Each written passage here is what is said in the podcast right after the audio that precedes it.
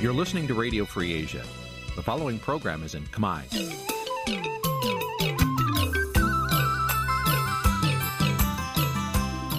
Nǐ ជាកម្មវិធីផ្សាយ Vuthu Azizi Serai នេះជាកម្មវិធីផ្សាយរបស់ Vuthu Azizi Serai ជាភាសាខ្មែរ Vuthu Azizi Serai សូមស្វាគមន៍លោកអ្នកនាងទាំងអស់ពីរដ្ឋធានី Washington នៃសហរដ្ឋអាមេរិក។ បាទពីទីក្រុងមែលប៊នប្រទេសអូស្ត្រាលីខ្ញុំបាទថាថៃសូមជម្រាបសួរលោកនាងកញ្ញាទាំងអស់ដែលកំពុងតាមដានការផ្សាយរបស់វិទ្យុអាស៊ីសេរីនៅរាត្រីនេះយើងខ្ញុំសូមជូនកម្មវិធីផ្សាយសម្រាប់យប់ថ្ងៃពុធ13កើតខែស្រាបឆ្នាំខាលចត្វាស័កពុទ្ធសករាជ2566ត្រូវនៅថ្ងៃពុធទី10ខែសីហាគ្រិស្តសករាជ2022បាទជាដំបូងនេះសូមអញ្ជើញលោកនាងស្ដាប់ព័ត៌មានប្រចាំថ្ងៃដែលមានមេតិការដូចតទៅ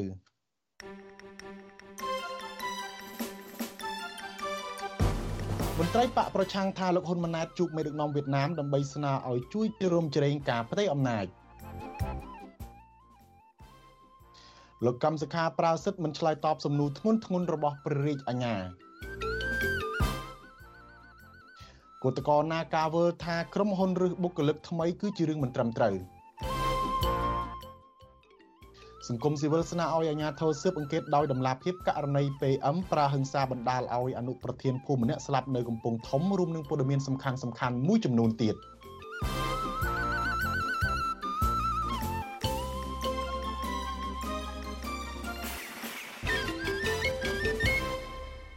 បាទជាបន្តទៅនេះខ្ញុំបាទសូមជូនព័ត៌មានពិស្ដាដូចតទៅលោកនាងជាទីមេត្រីអ្នកខ្លំមើលថាតំណាងអាយកាលោកប្លង់សុផល បានសួរសំណួរដោយចង់ច្របាច់កលោកកឹមសុខាយកចម្លើយដើម្បីប៉ុន្តែប្រធានគណៈបកប្រឆាំងរូបនេះប្រាសិទ្ធមិនឆ្លើយតបការលើកឡើងនេះធ្វើឡើងនៅពេលសាលាដំបងរាជធានីភ្នំពេញបើកសវនាការលើកទី51លើសំណុំរឿងក្បត់ជាតិនៅថ្ងៃទី10សីហានេះលោកនាងសូមស្ដាប់សេចក្តីរាយការណ៍ពិស្ដាពីលោកទីនសការីយ៉ាដូចតទៅសំណួរភាគច្រើនរបស់ព្រះអាញារងលោកប្លង់សុផលជាសំណួរមិនច្បាស់លាស់ជាសំណួរអត្ថាធិប្បាយអស់មិនឡាយនិងស៊ីពេលវេលា ទង្វើបែបនេះរបស់តំណាងអัยការធ្វើឲ្យមេធាវីការពារសិទ្ធិលោកកម្មសខា មិនសួរតបចំណែកឯលោកកម្មសខាក៏រក្សាសិទ្ធិមិនឆ្លើយតបសំណួររបស់តំណាងអัยការដែរ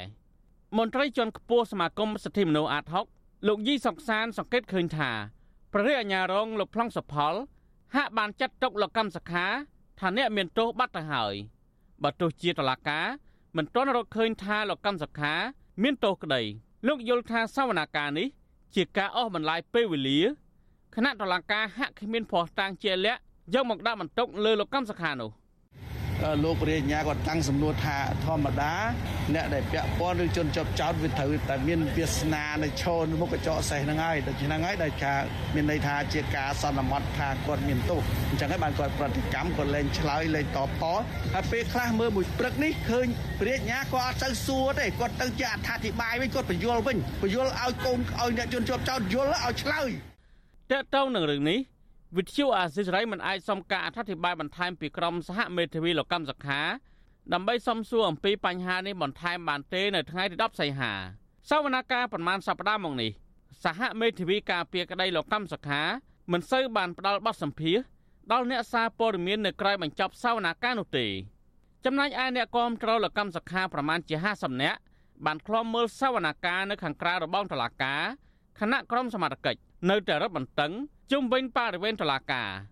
រីឯតំណាងអង្គទូតមន្ត្រីអង្គការសហប្រជាជាតិនិងមន្ត្រីសង្គមស៊ីវិលបន្តចូលឃ្លាំមើលក្នុងបន្ទប់សវនាការដោយសពដងដែរអ្នកគាំទ្រលកម្មសខាម្នាក់គឺលោកណប់សុជាតិរិះគន់ថាសំណួរនឹងអេរយាប័តរបស់តំណាងអัยការហាក់គ្មានសិលធម៌នោះទេ លោកបន្តថាការដាល់សវនកម្មនេះគ្មានភាពជឿនលឿនព្រោះនេះជាការរៀបចំដោយអ្នកនយោបាយ។ ទោះជាយ៉ាងណាលោករំពឹងថាការធ្វើអន្តរាគមរបស់សហគមន៍អន្តរជាតិនឹងអាចធ្វើឲ្យលោកកម្មសខាឆាប់ទទួលបានសិទ្ធិធ្វើនយោបាយឡើងវិញហើយអញ្ចឹងសាវនាការធ្វើឡើងវាភាពរញ៉េរញ៉ៃផងមើលទៅដូចជាវាមិនមានភាពឯករាជ្យហើយណាមួយការដេញដោលសួររបស់បរិយាញ្ញាគឺមានភាពដដែលនិងមានភាពធ្វើឲ្យមើលទៅវាពុំមានសិលធម៌ក្នុងការអឺ ការដេញដោលហើយក្នុងការឆ្លើយផងដែរបងនៅរយៈពេលចុងក្រោយនៃសហរដ្ឋអាមេរិកនិងសហភាពអឺរ៉ុបបន្តទាមទារទៅរដ្ឋាភិបាលលោកហ៊ុនសែនឲ្យផ្ដល់សិទ្ធិធ្វើនយោបាយឲ្យលោកកម្មសខាឡើងវិញ ការទៀមទានេះគណៈលោកកម្មសខាបានបាត់បង់សិទ្ធិសេរីភាពជិត5ឆ្នាំមកហើយក្រោយពេលរដ្ឋាភិបាលលហ៊ុនសែនបានចោទប្រកាន់ថាមេបកប្រឆាំងរូបនេះបានខົບខិតជាមួយរដ្ឋបរទេសដើម្បីផ្ដួលរំលំរដ្ឋាភិបាលកាលពីឆ្នាំ2017តើតើនៅរឿងនេះ ប្រធានអង្គភិបអ្នកនាំពាក្យរដ្ឋាភិបាលលោកផៃសិផាន លើកឡើងថាការសម្រេចយ៉ាងណាលើរឿងនេះជាសមត្ថកិច្ចរបស់តុលាការទោះជាយ៉ាងណាលោកអះអាងថាករណីលោកកម្មសខាគឺមានការបន្ធូរបន្ថយច្រើន រហូតមានការអនុញ្ញាតឲ្យជនបរទេសអាចចូលជួបលោកកម្មសខាបាននៅគេហដ្ឋាន ខាងរាជរដ្ឋាភិបាលគឺយើងអត់មានគេកំណត់អីឬវិចារខ្លាំងអីទេពីព្រោះនេះជានៅក្នុងដែនសមត្ថកិច្ចរបស់តុលាការចំពោះរឿងនយោបាយយើងក៏ទូបថយច្រើនណាស់ដែលអនុញ្ញាតឲ្យបរទេសនឹងទៅជួបតែខុសពីប្រទេសដទៃទៀតណាអ្នកខ្លោមើលនយោបាយនឹងជាអ្នកសម្រាប់សម្រួលគម្រោងនៃសមាគមបណ្ដាញយុវជនកម្ពុជា CVN លោកមើច័ន្ទតារាយល់ថាការអស់បន្លាយពេលសវនកម្មលោកកម្មសខាបានធ្វើឲ្យប៉ះពាល់ដល់សិទ្ធិសេរីភាព និងការធ្វើនយោបាយរបស់លោកកម្មសខាលោកបន្តថាបញ្ហានេះក្រៅពីធ្វើឲ្យប៉ះពាល់ដល់លោកកម្មសខាក៏បានធ្វើឲ្យប៉ះពាល់ដល់ប្រជាពលរដ្ឋដែលគាំទ្រលោកកម្មសខាដែរដែលគ្មានជំរើសក្នុងការបោះឆ្នោតជូនគណៈបកនយោបាយដែលពួកគេគាំទ្រលោកលើកឡើងថាករណីនេះក៏ធ្វើឲ្យសហគមន៍អន្តរជាតិបន្តដាក់ទណ្ឌកម្មលើកម្ពុជាបន្ថែមទៀតដែរ។ ខ្ញុំមើលឃើញថាសហគមន៍អន្តរជាតិគេនឹងធ្វើការគិតគូរពិចារណាឡើងវិញទៅលើការឲ្យកាត់ប្រព័ន្ធអនុគ្រោះពន្ធ GSP ផ្សេងផ្សេងហ្នឹងបើសិនបើឲ្យគេកាត់ជាទូទៅយើងមើលឃើញថាប្រទេសកម្ពុជារបស់យើងអត់មានអីចំណេញទេព្រោះឲ្យយើងដង្ហើមសេដ្ឋកិច្ចរបស់យើងក៏ពឹងលើឲ្យវិស័យឧស្សាហកម្មដែលនាំចេញទៅអាមេរិកផងដែរទោះបីឲ្យយើងទទួលជំនួយពីចិនច្រើនក៏ដោយតឡាការនឹងបន្តសវនកម្មសំណុំរឿងលោកកម្មសខានៅថ្ងៃទី17សីហាសប្តាហ៍ក្រោយទៀតសារអាមេរិកនិងសហភាពអឺរ៉ុប បានសន្យាថាកម្ពុជានឹងទទួលបានអត្ថប្រយោជន៍ប្រសិនបើផ្ដល់យុទ្ធធរជូនលោកកម្មសខាខ្ញុំធីនសាការីយ៉ាអស៊ីសេរីប្រធានីវ៉ាស៊ីនតោនបាទលោកនាងជាទីមេត្រីតកតងនឹងរឿងព្រៃឈើនៅតំបន់ភ្នំតាម៉ៅវិញម្ដងអ្នកប្រើប្រាស់បណ្ដាញសង្គម Facebook មួយចំនួននៅតែបន្តចាប់អារម្មណ៍ករណីឈូសឆាយ ព្រៃនៅតំបន់សួនសត្វភ្នំតាម៉ៅពាក់ព័ន្ធនឹងគម្រោងវិនិយោគនៅតំបន់នោះក្រុមស្លាកអភិវឌ្ឍរបស់ក្រុមហ៊ុន Timoral Group របស់អង្គការខុនសៀនិងក្រុមហ៊ុនអភិវឌ្ឍរបស់អង្គការលេងនវត្រារដ្ឋាភិបាលលោកហ៊ុនសែនបានសម្រេចដកហូតសិទ្ធិឬលុបចោលគម្រោងវិនិយោគនេះភ្លាមភ្លាមក្រោយមានប្រតិកម្មនឹងការតវ៉ាយ៉ាងផុសផុលពីមហាជន ពីមហាជនប្រឆាំងនឹងការអភិវឌ្ឍគ្មានដំណាភៀប តកតងករណីនេះអ្នកប្រើប្រាស់បណ្ដាញសង្គម Facebook ខ្លះបានបញ្ចេញមតិអបអរសាទរខ្លះរិះគន់ជំវិញការបញ្ឈប់ផែនការវិនិយោគនៅតំបន់ភ្នំតាម៉ៅនោះថាជាការយឺតពេលដែលនាំឲ្យបាត់បង់ព្រៃឈើធំធំអស់យ៉ាងច្រើនសន្ធឹកហើយទើបក្រុងចាប់ផ្ដើមដាំដើមឈើតូចតូចឡើងវិញបាទលោកសេបណ្ឌិតសូមដកស្រង់ទស្សនៈមតិខ្លះខ្លះជុំវិញរឿងនេះមកជម្រាបជូនលោកនាងដូចតទៅ អ្នកប្រើប្រាស់បណ្ដាញសង្គមរិះគន់ចំពោះសកម្មភាពឈូសឆាយព្រៃធំធំ នៅតំបន់សួនសត្វភ្នំតាម៉ៅអស់មួយផ្នែកធំទៅហើយទើបធ្វើចលនាគៀកោបង្កើតមូលនិធិដាំកូនឈើតូចតូចឡើងវិញសកម្មភាពទាំងនេះ មានទាំងក្រុមអង្គការបណ្ឌិតក្រុមតារាចម្រៀង និងតារាសម្ដែងព្រមទាំងក្រុមហ៊ុនដែលជាអ្នកឈូសឆាយព្រៃនោះផ្ទាល់តែម្ដង ម្ចាស់កេរនី Facebook មួយឈ្មោះសេងតារា បានរិះគន់ក្រុមតារាសម្ដែង និងតារាចម្រៀងមួយចំនួន ដែលឈូសឆរតាមគ្នាទៅដាំកូនឈើនៅភ្នំតាម៉ៅមតិរិះគន់របស់ម្ចាស់កេរនី Facebook ឈ្មោះសេងតារាត្រូវបានគេនាំគ្នាចែករំលែកតតគ្នាឬហៅថា share លើបណ្ដាញសង្គមនោះ បានសរសេរថាពេលគេកំពុងឈូសឆាយព្រៃឲ្យវិនិច្ឆ័យឃើញរាសបញ្ចេញមតិយោបល់ប្រឆាំងនិងសោកស្ដាយព្រៃនោះក្រុមអង្គការបណ្ឌិត ក្រុមតារាចម្រៀងនិងតារាសម្ដែងមួយចំនួនហើបមាត់មិនរួចទេឬក៏បង្ហោះសារស្នើសុំឲ្យបញ្ឈប់ឬចេញតវ៉ានោះឡើយគឺពួកគេនាំគ្នាលាក់ខ្លួនពូនអាត្មាសំងំយកសុកនៅពីក្រោយខ្នងប្រជាពលរដ្ឋអ្នកតវ៉ាដោយមិនហ៊ានអើតក្បាលសោះឡើយលុះក្រោយពេលឃើញរដ្ឋាភិបាលបញ្ឈប់លែងឲ្យឈូសស្រាប់តែលេចមុខក្រុមមកញ៉ាបណ្ឌិតក្រុមតារាចម្រៀងតារាសម្ដែង ព្រមទាំងអ្នកមានមុខមាត់មួយចំនួនទៀតបានចេញពីក្រោយខ្នងប្រជាពលរដ្ឋប្រងព្រាតហើយដណ្ដើមគ្នាឈរមុខប្រជាពលរដ្ឋយកមុខយកមាត់សន្យាជួយនេះជួយនោះយ៉ាងកក្រឹកកក្រែងដោយខ្លួនឯងនឹងស្រឡាញ់បរិស្ថានណាស់អញ្ចឹងចុះពេលគេកំពុងឈូសនោះនៅណាមិនក៏មិនបង្ហោះសារតវ៉ាខ្លះផង នេះបានដូចជាពាក្យឬក៏ចម្រៀងដែលច្រៀងថា ក្រពើនៅក្នុងទឹកបងមិនសូវហ៊ានចាប់ ក្រពើងាប់ស្រាប់បងចាប់ឲ្យស្រីមើលក្របីស៊ីស្រូវបងមិនសូវហ៊ានដេញក្របីដើរចេញបងដេញឲ្យស្រីមើលម្ចាស់ករណី Facebook មួយទៀតឈ្មោះអូនច័ន្ទណាបានបញ្ចេញទស្សនៈឆ្លើយតបយ៉ាងខ្លីទៅម្ចាស់ទស្សនៈឬ comment នេះ ថាជាសង្គមតែស្គរដោយឡែកម្ចាស់ករណី Facebook មួយឈ្មោះកៅសុខន បានសរសេរ comment បន្តដែរថាបណ្ឌិតនិងតារានេះគឺជាពួកដណ្ដើក ចំណែកម្ចាស់ករណី Facebook ឈ្មោះ Polly ស្វាយរៀងវិញ បានបញ្ចេញទស្សនៈជុំវិញករណីដាំកូនឈើនៅភ្នំតាម៉ៅនោះដែរថាខ្ពើមណាស់គុំតែប្រជាពលរដ្ឋស្រែកតវ៉ាពេញទឹកពេញដីពេញប្រទេសគុំអីព្រៃនៅភ្នំតាម៉ៅคล้ายទៅជាដីឡូពុះលក់បាត់ទៅហើយម្ចាស់ករណី Facebook មួយទៀតឈ្មោះបូរឿតចេនបានដាក់ជាចម្ងល់ថាហើយចុះហេតុអីបានអ្នកបំផ្លាញអត់មានទោសអញ្ចឹង ម្ចាស់ករណី Facebook មួយទៀតឈ្មោះជុំសាឡាត់បានបន្តថាអស់លោកអ្នកឈូសអស់លោកអ្នកដាំវិញទៅ ពួកខ្ញុំក្រីក្រអត់បានបំផ្លាញទេ ចំណែកម្ចាស់កេរនី Facebook មួយទៀតឈ្មោះស្រីពៅបានបញ្ចេញទស្សនៈយោបល់ស្រដៀងគ្នានេះដែរដោយគាត់សរសេរថាអាណាបំផ្លាញអានងដាំអ្នកឯងកាប់យកទៅលក់បានលុយក៏មិនតិចដែររីឯម្ចាស់កេរនី Facebook ឈ្មោះពលឺសន្តិភាព បានសរសេរខមមិនបន្តដែរថា ពួកនេះសំដែងបំពល់សង្គមគាត់មិនចូលរួមទេ ដោយឡែកម្ចាស់កេរនី Facebook មួយទៀតឈ្មោះជាមេងក៏បានលើកឡើងជុំវិញករណីនេះដែរថាឈើធម្មជាតិទម្រាំបានប៉ុណ្ណេះ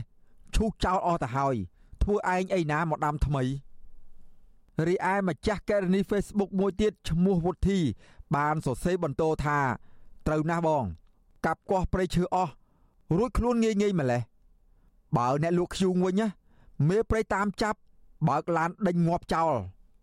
ចំណែកឯម្ចាស់ករណី Facebook មួយទៀតឈ្មោះចាំស៊ីងបានសរសេរដែរថាឈើដុះឯងរាប់ពាន់ឆ្នាំត្រូវបំផ្លាញចោលហើយមកប្រកបប្រកាសឲ្យគេដាំឡើងវិញតើប្រមាណឆ្នាំទៀតទើបប្រើបាន បើប៉ុណ្ណឹងហើយពលរដ្ឋខ្មែរយើងទាំងអស់ឲ្យអ្នកបំផ្លាញរួចខ្លួនដេកចាំតែស្លាប់ទៅ រីឯម្ចាស់ករណី Facebook មួយទៀតឈ្មោះណាលជា បានសរសេរផ្ដល់យោបល់ដែរថាត្រូវនាំខ្លួនជនដែលពាក់ព័ន្ធនៅក្នុងការកាប់បំផ្លាញព្រៃឈើនៅភ្នំតាម៉ៅមកកាត់ទោសបាទហើយនៅចុងក្រោយនេះយើងខ្ញុំសូមលើកយកនៅការបញ្ចេញមតិយោបល់របស់ម្ចាស់ករណី Facebook មួយឈ្មោះសំចិនសានដែលគាត់បានបញ្ចេញទស្សនៈជុំវិញការកាប់បំផ្លាញព្រៃឈើនៅសួនសត្វភ្នំតាម៉ៅនោះដែរថា ប្រជាធិបតេយ្យមានន័យថាយកប្រជារាស្ត្រជាធំ ប៉ុន្តែហេតុអីឈូដីឈូព្រៃអស់មិនសួររាជជាមុន ចង់សញ្ញេសញ្ញេចង់លុបចោលលុបចោលស្រេចតែក្បាលវ៉ាល់តែម្ដងហើយខ្ញុំបាទសេកបណ្ឌិតវុទ្ធុអាស៊ីសេរីពីរដ្ឋធានីវ៉ាស៊ីនតោនបាទលោកនាងជាទីមេត្រីគណៈបកប្រជាជនកម្ពុជាបានបែងចែកមុខព្រួញជាច្រើននៅក្នុងការពង្រីកអធិបតេយ្យនយោបាយនៅប្រទេសអូស្ត្រាលី នៅរាត្រីនេះយើងនៅមានបទសម្ភាសន៍មួយជាមួយនឹងអ្នកវិភាគនយោបាយដើម្បីពិនិត្យមើលថាតើគណៈបកប្រជាជនកម្ពុជាចូលមកពង្រីកអធិបតេយ្យនយោបាយនៅប្រទេសអូស្ត្រាលីនេះតាមច្រកណាខ្លះហើយបង្កការភ័យខ្លាចអ្វីខ្លះដល់សហគមន៍ខ្មែរបាទលោកនាងនឹងរងសូមលោកនាងរងចាំស្ដាប់បទសម្ភាសន៍នេះនៅពេលបន្តិចទៀត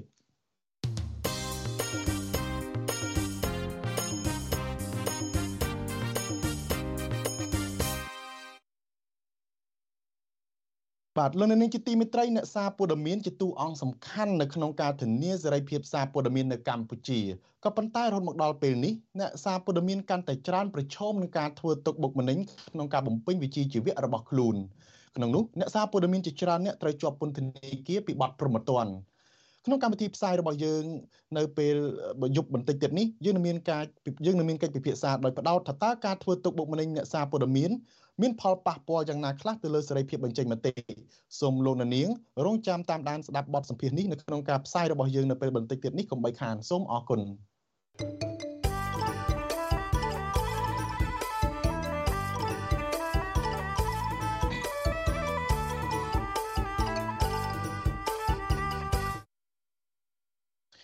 បាទលោកនាងជាទីមេត្រីតាកតងទៅនឹងរឿងកូនប្រុសរបស់លោកនាយករដ្ឋមន្ត្រីហ៊ុនសែនវិញ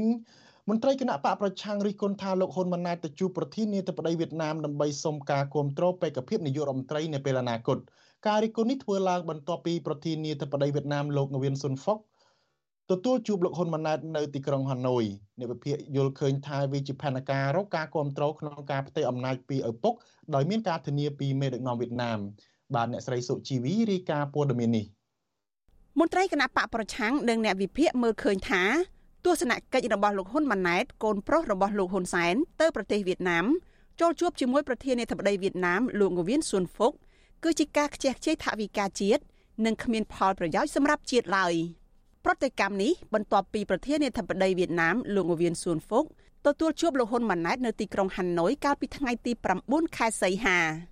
មន្ត្រីបកប្រឆាំងយល់ឃើញថាដំណើរទស្សនកិច្ចរបស់លោកហ៊ុនម៉ាណែតដើម្បីតែផលប្រយោជន៍ផ្ទាល់ខ្លួន គឺជាការទៅសុំការជួយជ្រោមជ្រែងពីភាគីវៀតណាម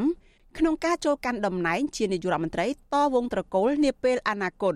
តំណាងរាស្ត្រជាប់ឆ្នោតគណៈបកសង្គ្រោះជាតិលោកអ៊ុំសំអានប្រាប់វិទ្យុអាស៊ីសេរីនៅថ្ងៃទី10ខែសីហាថា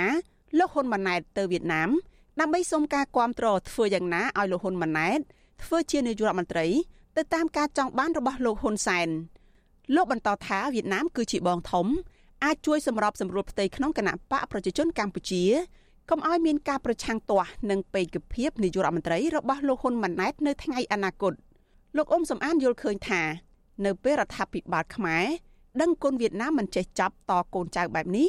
នឹងធ្វើឲ្យកម្ពុជាបាត់បង់ទឹកដីបន្តិចម្ដងបន្តិចម្ដងនិងមានអន្តោប្រវេសន៍វៀតណាមខុសច្បាប់ចូលមកកម្ពុជាកាន់តែច្រើនដែរលោកព្រួយបារម្ភថាកម្ពុជាអាចនឹងមានវាសនាត្រូវបាត់បង់ដោយទឹកដីកម្ពុជាក្រោមបើមិនយកចិត្តទុកដាក់ចំពោះបញ្ហាវៀតណាម លោកអ៊ុំសំអានអះអាងបន្តទៀតថាលោកហ៊ុនសែនមិនទុកចិត្តផ្ទៃក្នុងរបស់គណៈបកប្រជាជនកម្ពុជាឡើយព្រោះមានការរង្គោះរង្គើខ្លាំង។ លោកហ៊ុនសែនគាត់មិនទុកចិត្តមកផ្ទៃក្នុងគណៈបព្វជិជនទេបើសិនជាគាត់ទុកចិត្តគាត់ប្រកាសជាបកលតំណែងនាយករដ្ឋមន្ត្រីទៅឲ្យលោកសខេឬអ្នកដទៃទៀតក្នុងគណៈបព្វជិជននៅពេលដែលគាត់ឈប់ធ្វើជានាយករដ្ឋមន្ត្រីក៏ប៉ុន្តែគាត់អត់ទុកចិត្តផ្ទៃក្នុងគណៈបព្វជិជនហ្នឹងបើសិនជាគាត់បកលទូនាទីទៅឲ្យអ្នកផ្សេងទៀតនៅពេលដែលគាត់ឈប់ធ្វើជានាយករដ្ឋមន្ត្រីអាចកាត់ទោសគាត់ពីបទក្រិតណាមួយអញ្ចឹងណាព្រោះគាត់បាត់ដៃប្រឡាក់ឈាមដូច្នេះគាត់ក៏ទុកចិត្តតកូនគាត់ក៏យល់ថាមានកូនគាត់ដែលអាចការពារគាត់ឲ្យរួចផុតពីការកាត់ទោសនៅពេលអនាគតដែលគាត់ឈប់ធ្វើជានាយករដ្ឋមន្ត្រីអ្នកដទៃទៀតក៏គេ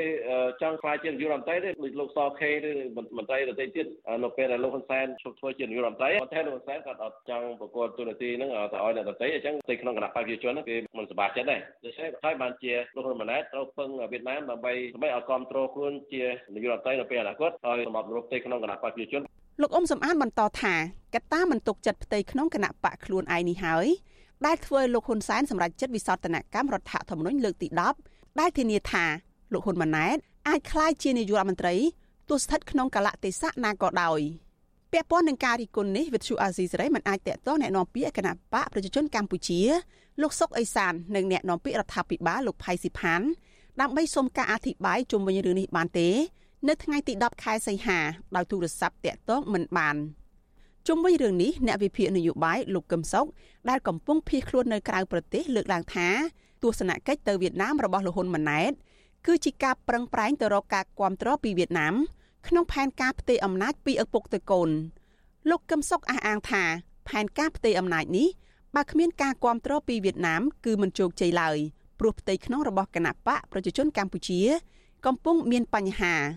លោកកឹមសុខបន្តថាលោកហ៊ុនម៉ាណែតសម្លឹងអំណាចតពូជចំណែកឯមេដឹកនាំវៀតណាមគឺសម្លឹងគោលដៅក្តោបទឹកដីកម្ពុជាទាំងមូលនិងលុបបំបាត់ពូជសាសន៍ខ្មែរ លោកកឹមសុខសង្កេតឃើញថាក្នុងរូបថតពីសញ្ញលឹកដែលបង្ហោះដោយស្ថានទូតវៀតណាមប្រចាំនៅកម្ពុជាបង្ហាញថាលោកហ៊ុនម៉ាណែតពុំបានបង្ហាញពីអត្តសញ្ញាណជាខ្មែរទេ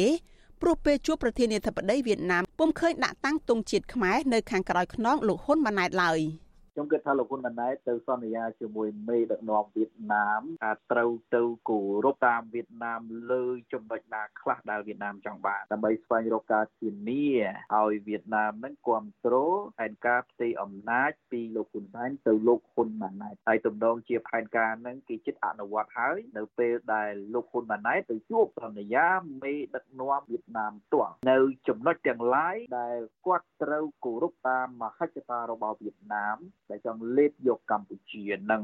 លោកនាយរដ្ឋមន្ត្រីហ៊ុនសែនជាញឹកញយតែងតែប្រកាសបន្តពង្រឹងអំណាចនិងគ្រប់គ្រងកូនប្រុសច្បងរបស់លោកពេញទំហឹងឲ្យស្នងតំណែងជានាយករដ្ឋមន្ត្រីថ្មីថ្មីនេះលោកក៏បានប្រកាសគោលជំហរឲ្យកូនឲ្យចៅរបស់លោក បន្តតំណែងជានាយករដ្ឋមន្ត្រីតជំនាន់នៅក្នុងវេទិកាទទួលសញ្ញាបត្របណ្ឌិតកិត្តិយសផ្នែកអភិវឌ្ឍមកពីសាកលវិទ្យាល័យភូមិន្ទភ្នំពេញកាលពីថ្ងៃទី5ខែសីហា រាល់ការប្រកាសរបស់លោកហ៊ុនសែនឃើញមានមន្ត្រីរបស់លោកនាំគ្នាចេញញត្តិគាំទ្រជាហោហែហើយក្នុងនោះក៏មានស្ថាប័នការពារជាតិនិងស្ថាប័នតុលាការផងដែរចុងក្រោយថ្មីថ្មីនេះលោកហ៊ុនសែនបានស្នើធ្វើវិសោធនកម្មរដ្ឋធម្មនុញ្ញលើកទី10ដែលអ្នកខ្លំមើលនិងអ្នកតាមដានបញ្ហាសង្គមមើលឃើញថាជាការបើកផ្លូវនិងរៀបចំផែនការលើកបន្ទប់កូនប្រុសរបស់លោកធ្វើជានាយករដ្ឋមន្ត្រីបន្តទៀតមន្ត្រីបកប្រឆាំងនិងអ្នកវិភាគយល់ថា ផែនការផ្ទេរអំណាចរបស់លោកហ៊ុនសែនទៅកូនប្រុសគឺលោកហ៊ុនម៉ាណែតនឹងធ្វើឡើងនៅក្នុងពេលឆាប់ៗនេះបើមានការសម្រេចគាំទ្រពីមេដឹកនាំវៀតណាមនាងខ្ញុំសុជីវីវិទ្យុអាស៊ីសេរីពីរដ្ឋធានី Washington បាទលោកនាងជាទីមេត្រីតកតងនឹងរឿងសន្តិសុខសង្គមនៅខេត្តព្រះសីហនុវិញម្ដងសមត្ថកិច្ចខេត្តព្រះសីហនុអះអាងថាខ្លួនកំពុងបើកការស៊ើបអង្កេតរោគអ្នកពាក់ព័ន្ធនៅពីក្រោយខ្នងលើករណីជនជាតិចិនមួយក្រុមបានដកកំភ្លើងបាញ់សម្លាប់ជនជាតិចិន ម្នាក់ទម្លាក់ពីលើរថយន្តកាលពីថ្ងៃទី9សីហាម្សិលមិញមន្ត្រីសង្គមស៊ីវិលព្រួយបារម្ភចំពោះវត្តមានជនជាតិចិនដែលមានកំភ្លើងប្រើប្រាស់បាញ់សម្លាប់មនុស្សជាបន្តបន្ទាប់បាទលោកមានរិទ្ធរាយការណ៍ព័ត៌មាននេះបន្ទាប់ពីខ្មាន់កំភ្លើងជនជាតិចិនបានបាញ់សម្លាប់ជនជាតិចិនដូចគ្នាស្ថិតនៅក្នុងអគារបនលបែងកាស៊ីណូតុងហ្វាងប៉ាលីរិនកាលពីចុងខែកក្កដាកន្លងទៅ ហាក់នៅមិនទាន់ស្ងប់ស្ងាត់ផង ស្រាប់តែថ្មីថ្មីនេះបែរជាមានករណីជនជាតិចិនមួយក្រុមទៀត បានដកកំភ្លើងបាញ់សម្លាប់ជនជាតិចិនដូចគ្នារួចរុញទម្លាក់ពីលើរថយន្តស្នងការនគរបាលខេត្តព្រះសីហនុលោកជួននរិនប្រាប់វិសុយស៊ីស្រីនៅថ្ងៃទី10ខែសីហាថាអំពើឃាតកម្មចុងក្រោយនេះសមាជិកនៅមិនទាន់ដឹងពីមូលហេតុពិតប្រាកដណាមួយនៅឡើយទេទោះបីជាយ៉ាងណាក៏ដោយលោកឲ្យដឹងថាករណីផ្ទុះអាវុធនេះមានជនជាតិចិនសរុបចំនួន5នាក់និងមានជនជាតិខ្មែរម្នាក់ដែលជាអ្នកបើកឡាន លោកបញ្ជាក់ថាក្នុងចំណោមជនជាតិចិនទាំង5នាក់នោះពួកគេទើបតែរាប់អានស្គាល់គ្នា បានប្រហែលជាមួយសប្តាហ៍ហើយតែងជូនដំណើរគ្នាទៅសន្តាគារនិងភោជនីយដ្ឋាននានានៅក្នុងខេត្តព្រះសីហនុលោកបន្តថារហូតដល់យប់រំលងអាត្រាតចូលដល់ថ្ងៃទី9ខែសីហា ជនជាតិចិន2នាក់ក្នុងចំណោម5នាក់បានជិះឡានទៅយកមិត្តភ័ក្តិពួកគេដែលទើបរាប់អានគ្នាទាំង3នាក់ទៅផឹកស៊ីនិងជូនពួកគេទៅសន្តាគារវិញ លោកថាក្រោយពីពួកគេបានធ្វើដំណើរដល់ចំណុចសន្តាគារ520ស្ថិតនៅក្នុងខេត្តព្រះសីហនុជនជាតិចិន3នាក់ដែលរួមដំណើរជាមួយគ្នានោះបានដកកំភ្លើងបាញ់ជនជាតិចិន2នាក់ដោយម្នាក់បានស្លាប់ភ្លាមៗក្នុងរថយន្តនិងម្នាក់ទៀតរងរបួសធ្ងន់ចំណែកជនជាតិខ្មែរដែលជាអ្នកបើករថយន្តបានស្រែកឲ្យគេជួយលោកជួននរិនថាភ្លាមៗនោះក្រុមសមត្ថកិច្ច បានបើកឡានដេញតាមក្រុមខ្មាន់កំភ្លើងជាជនជាតិចិនទាំង3នាក់នោះរហូតដល់ស្រុកព្រៃនប់ហើយជនជាតិចិនទាំង3នាក់នោះក៏បានដកកំភ្លើងបាញ់តដៃជាមួយស្មារតីក្នុងពេលកំពុងបើកឡាន ដែលបណ្ដាលឲ្យពួកគេបុកបង្គោលភ្លើងស្លាប់ទាំង3នាក់ ជនជាតិចិនទាំងអស់គឺថាវាមានមួយចំនួនតូចនេះលបលួចមានប្រព្រឹត្តការកាន់កាប់ការប្រាស្រ័យអាវុធខុសច្បាប់នេះគឺសមាជិកយើងកំពុងតែធ្វើការស្រាវជ្រាវហើយនឹងធ្វើការត្រួតពិនិត្យអនុវត្តទៅវិធានការជំនាញនិងច្បាប់តឹងរឹងបំផុតមិនលើកលែងទេអ្នកណាក៏ដោយបាទមិនមែនថាជនជាតិចិនឬជនជាតិណាទេការប្រើប្រាស់អាវុធដែលខុសច្បាប់កាន់កាប់ដែលខុសច្បាប់ចរាចរណ៍ដែលខុសច្បាប់គឺឲ្យយើងធ្វើឲ្យតង់តែងអនុវត្តនៅច្បាប់ដែលយើងមានមិនលើកលែងទេ លោកជួននរិនបន្ថែមទៀតថាបច្ចុប្បន្នស្មារតីកំពុងរងចាំសាកសួរជនជាតិចិនម្នាក់ដែលនៅមានជីវិតហើយកំពុងសម្រាប់ព្យាបាលនៅមន្ទីរពេទ្យដើម្បីសាកសួរពីសាវតារឿងពាក់ព័ន្ធនិងស្រាវជ្រាវរោគអ្នកដែលពាក់ព័ន្ធបន្តទៀតក្រៅពីនេះលោកថាក្នុងប្រតិបត្តិការបង្ក្រាបជនជាតិចិនទាំង3នាក់នោះសមាជិកក៏បានរឹបអូសយកកំភ្លើងខ្លីចំនួន2ដើមព្រមទាំងគ្រាប់កំភ្លើងមួយចំនួនធំ តែទៅនឹងករណីផ្ទុះអាវុធនេះមហាជននិងមន្ត្រីសង្គមស៊ីវិលនៅតែមានមន្ទិលសង្ស័យច្រើន ចំពោះជនជាតិចិន ដែលពួកគេភ័យច្រើនសុទ្ធតែមានកំភ្លើងកាន់នៅក្នុងដៃជាពិសេសក្នុងខេត្តព្រះសីហនុនារយៈពេលចុងក្រោយនេះជនជាតិចិននិងជនជាតិចិនដែលតែងតែឆ្លោះទាស់តែងគ្នានោះគឺពួកគេតែងតែដកកំភ្លើងបាញ់សម្លាប់គ្នាយ៉ាងអនាធបត័យនៅលើទឹកដីខ្មែរកាលពីយប់ថ្ងៃទី30ខែកក្កដាជនជាតិចិនមួយក្រុមមានគ្នាប្រមាណ10នាក់ បានឆ្លោះប្រកែកគ្នារឿងទំនាស់អាជីវកម្មរហូតដល់មានខ្មាន់កំភ្លើងជាជនជាតិចិនម្នាក់បានដកកំភ្លើងបាញ់សម្លាប់ជនជាតិចិនដូចគ្នាបណ្ដាលឲ្យជនជាតិចិន2នាក់ទៀតបានស្លាប់ភ្លាមៗនៅក្នុងថ្លុកឈាមនិងជនជាតិចិនម្នាក់បានរងរបួសធ្ងន់ស្ថិតនៅទីតាំងអគារបនលបែងកាស៊ីណូតុងហ្វាំងប៉ាលីរិននៅក្នុងខេត្តព្រះសីហនុ បើទោះបីជាយ៉ាងណាក៏ដោយសមាជិកខេត្តព្រះសីហនុនៅមិនទាន់បង្ហាញរបាយការណ៍នៃលទ្ធផលស៊ើបអង្កេតចុងក្រោយចំពោះអ្នកដែលពាក់ព័ន្ធជាពិសេសអ្នកដែលបានលក់កំភ្លើងទៅឲ្យជនជាតិចិនទាំងនោះសម្រាប់ប្រព្រឹត្តអំពើឃាតកម្មផ្ទួនផ្ទួនគ្នានោះនៅឡើយទេជុំវិញរឿងនេះនាយកទទួលបន្ទុកកិច្ចការទូតនៃអង្គការលីកាដូលោកអំសំអាត មានប្រសាសន៍ថាករណីជនជាតិចិន ជាពិសេសជនជាតិចិនប្រើអាវុធបាញ់សម្លាប់គ្នាជាបន្តបន្ទាប់នេះ អាចនឹងជះផលអវិជ្ជមានដល់កម្ពុជាបន្ថែមទៀត ការប្រើប្រាស់អាវុធដែលខុសច្បាប់ដោយជនបរទេសហ្នឹងនៅតែបន្តកើតឡើងវាជារឿងមួយដែលយើងមានការព្រួយបារម្ភពីព្រោះយើងមិនដឹងថាតើអាវុធហ្នឹងចេញពីប្រភពណាហើយទោះមិនបានមានជនបរទេសហ្នឹងអាចទិញឬក៏ប្រើប្រាស់អាវុធនឹងបានណាអញ្ចឹង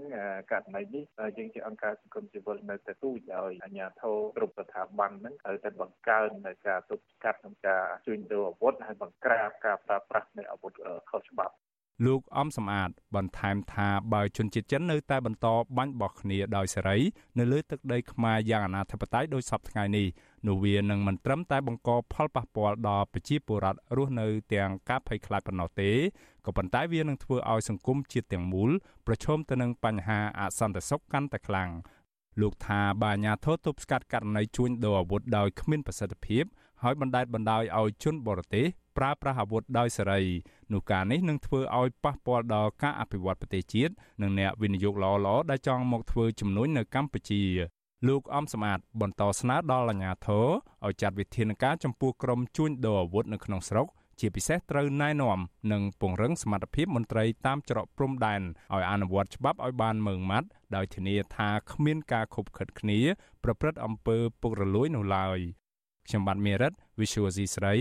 រាយការណ៍ពីរដ្ឋធានី Washington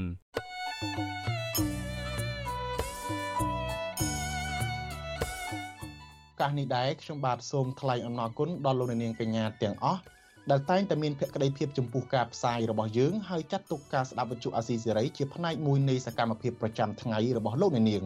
ការគ្រប់គ្រងរបស់លោកអ្នកនាងនេះហើយដែលធ្វើឲ្យយើងខ្ញុំមានទឹកចិត្តកាន់តែខ្លាំងក្លាថែមទៀតក្នុងការស្វែងរកនិងផ្តល់ព័ត៌មានជូនលោកអ្នកនាង មានអ្នកស្ដាប់អ្នកទេសនាកាន់តែច្រើនកាន់តែធ្វើឲ្យយើងខ្ញុំមានភាពស្វាហាប់មោះមុតជាបន្តទៅទៀតយើងខ្ញុំសូមអរគុណទុកជាមុនហើយសូមអញ្ជើញលោកអ្នកនាងចូលរួមជំរុញឲ្យសកម្មភាពផ្តល់ព័ត៌មានរបស់យើងនេះកាន់តែជោគជ័យបន្ថែមទៀតលោកអ្នកនាងអាចជួយយើងខ្ញុំដោយគ្រាន់តែចុចចែករំលែកឬ share ការផ្សាយរបស់យើងលើបណ្ដាញសង្គម Facebook និង YouTube ទៅកាន់មិត្តភ័ក្តិដើម្បីឲ្យការផ្សាយរបស់យើងបានទៅដល់មនុស្សកាន់តែច្រើនសូមអរគុណ បាទលោកនាងជាទីមេត្រីមន្ត្រីអង្គការសង្គមស៊ីវិលស្នើឲ្យកងរាជអាវុធហត្ថលើផ្ទៃប្រទេសបើកការស៊ើបអង្កេតដោយយកចិត្តទុកដាក់និងដំណាភាពដើម្បីរកយុត្តិធម៌ឲ្យលោកសួងដួនដែលបានស្លាប់ដោយសារមន្ត្រី PM5 អំពើហិង្សាក្នុងពេលចាប់ខ្លួនក្នុងពេលចាប់ឃាត់ខ្លួនពួកគាត់ថាការស្លាប់របស់ជនរងគ្រោះកំពុងបង្ហាញថាមន្ត្រីនគរបាលមិនបានគោរពទៅតាមក្រមវិជ្ជាជីវៈក្នុងពេលបំពេញការងារបាទពីរដ្ឋធានីវ៉ាស៊ីនតោនលោកយ៉ងច័ន្ទរារាយការណ៍ព័ត៌មាននេះ ក្រុមអ្នកការពារសិទ្ធិមនុស្សជំរុញឲ្យអាជ្ញាធរថ្នាក់ជាតិបើកការស៊ើបអង្កេតនិងផ្ដាល់យុត្តិធម៌ពិតប្រាកដជូនអនុប្រធានភូមិរូងឃុំក្រវ៉ាស្រុកបារាយគឺលោកសួងដនដែលសង្ស័យថាបានស្លាប់ដោយសារអំពើហិង្សាពីសំណាក់មន្ត្រីកងរាជអាវុធហត្ថកាលពីពេលថ្មីៗនេះអ្នកនាំពាក្យសមាគមការពារសិទ្ធិមនុស្សអាត6លោកសឹងសានករណាមានប្រសាសន៍ថាក្នុងពេលបំពេញភារកិច្ច កងកម្លាំងប្រដាប់អាវុធគួរអនុវត្តទូនីតិនិងជំនាញបច្ចេកទេសរបស់ខ្លួនឲ្យបានត្រឹមត្រូវនិងមិនគួរធ្វើអ្វីដែលខុសពីវិជ្ជាជីវៈរបស់ខ្លួននោះឡើយលោកក៏សម្គាល់ឃើញថារាល់ពេលកងកម្លាំងប្រដាប់អាវុធឬសមត្ថកិច្ចចុះទៅបំពេញបេសកកម្មរបស់ខ្លួនពួកគេមួយចំនួនហាក់បំពេញតួនាទីមិនបានល្អឬពេលខ្លះផ្ទុយនឹងវិជ្ជាជីវៈរបស់ខ្លួនទៀតផងលោកបន្តថាក្នុងករណីនេះស្ថាប័នពាក់ព័ន្ធ ជាពិសេសស្ថាប័នដែលជាថ្នាក់ដឹកនាំលើកងកម្លាំងទាំងនោះគួរពិនិត្យនិងពង្រឹងទៅលើការបំពេញតួនាទីរបស់មន្ត្រីក្រមអាវ៉ាតដើម្បីធានាពីការអនុវត្តច្បាប់ប្រកបដោយភាពត្រឹមត្រូវ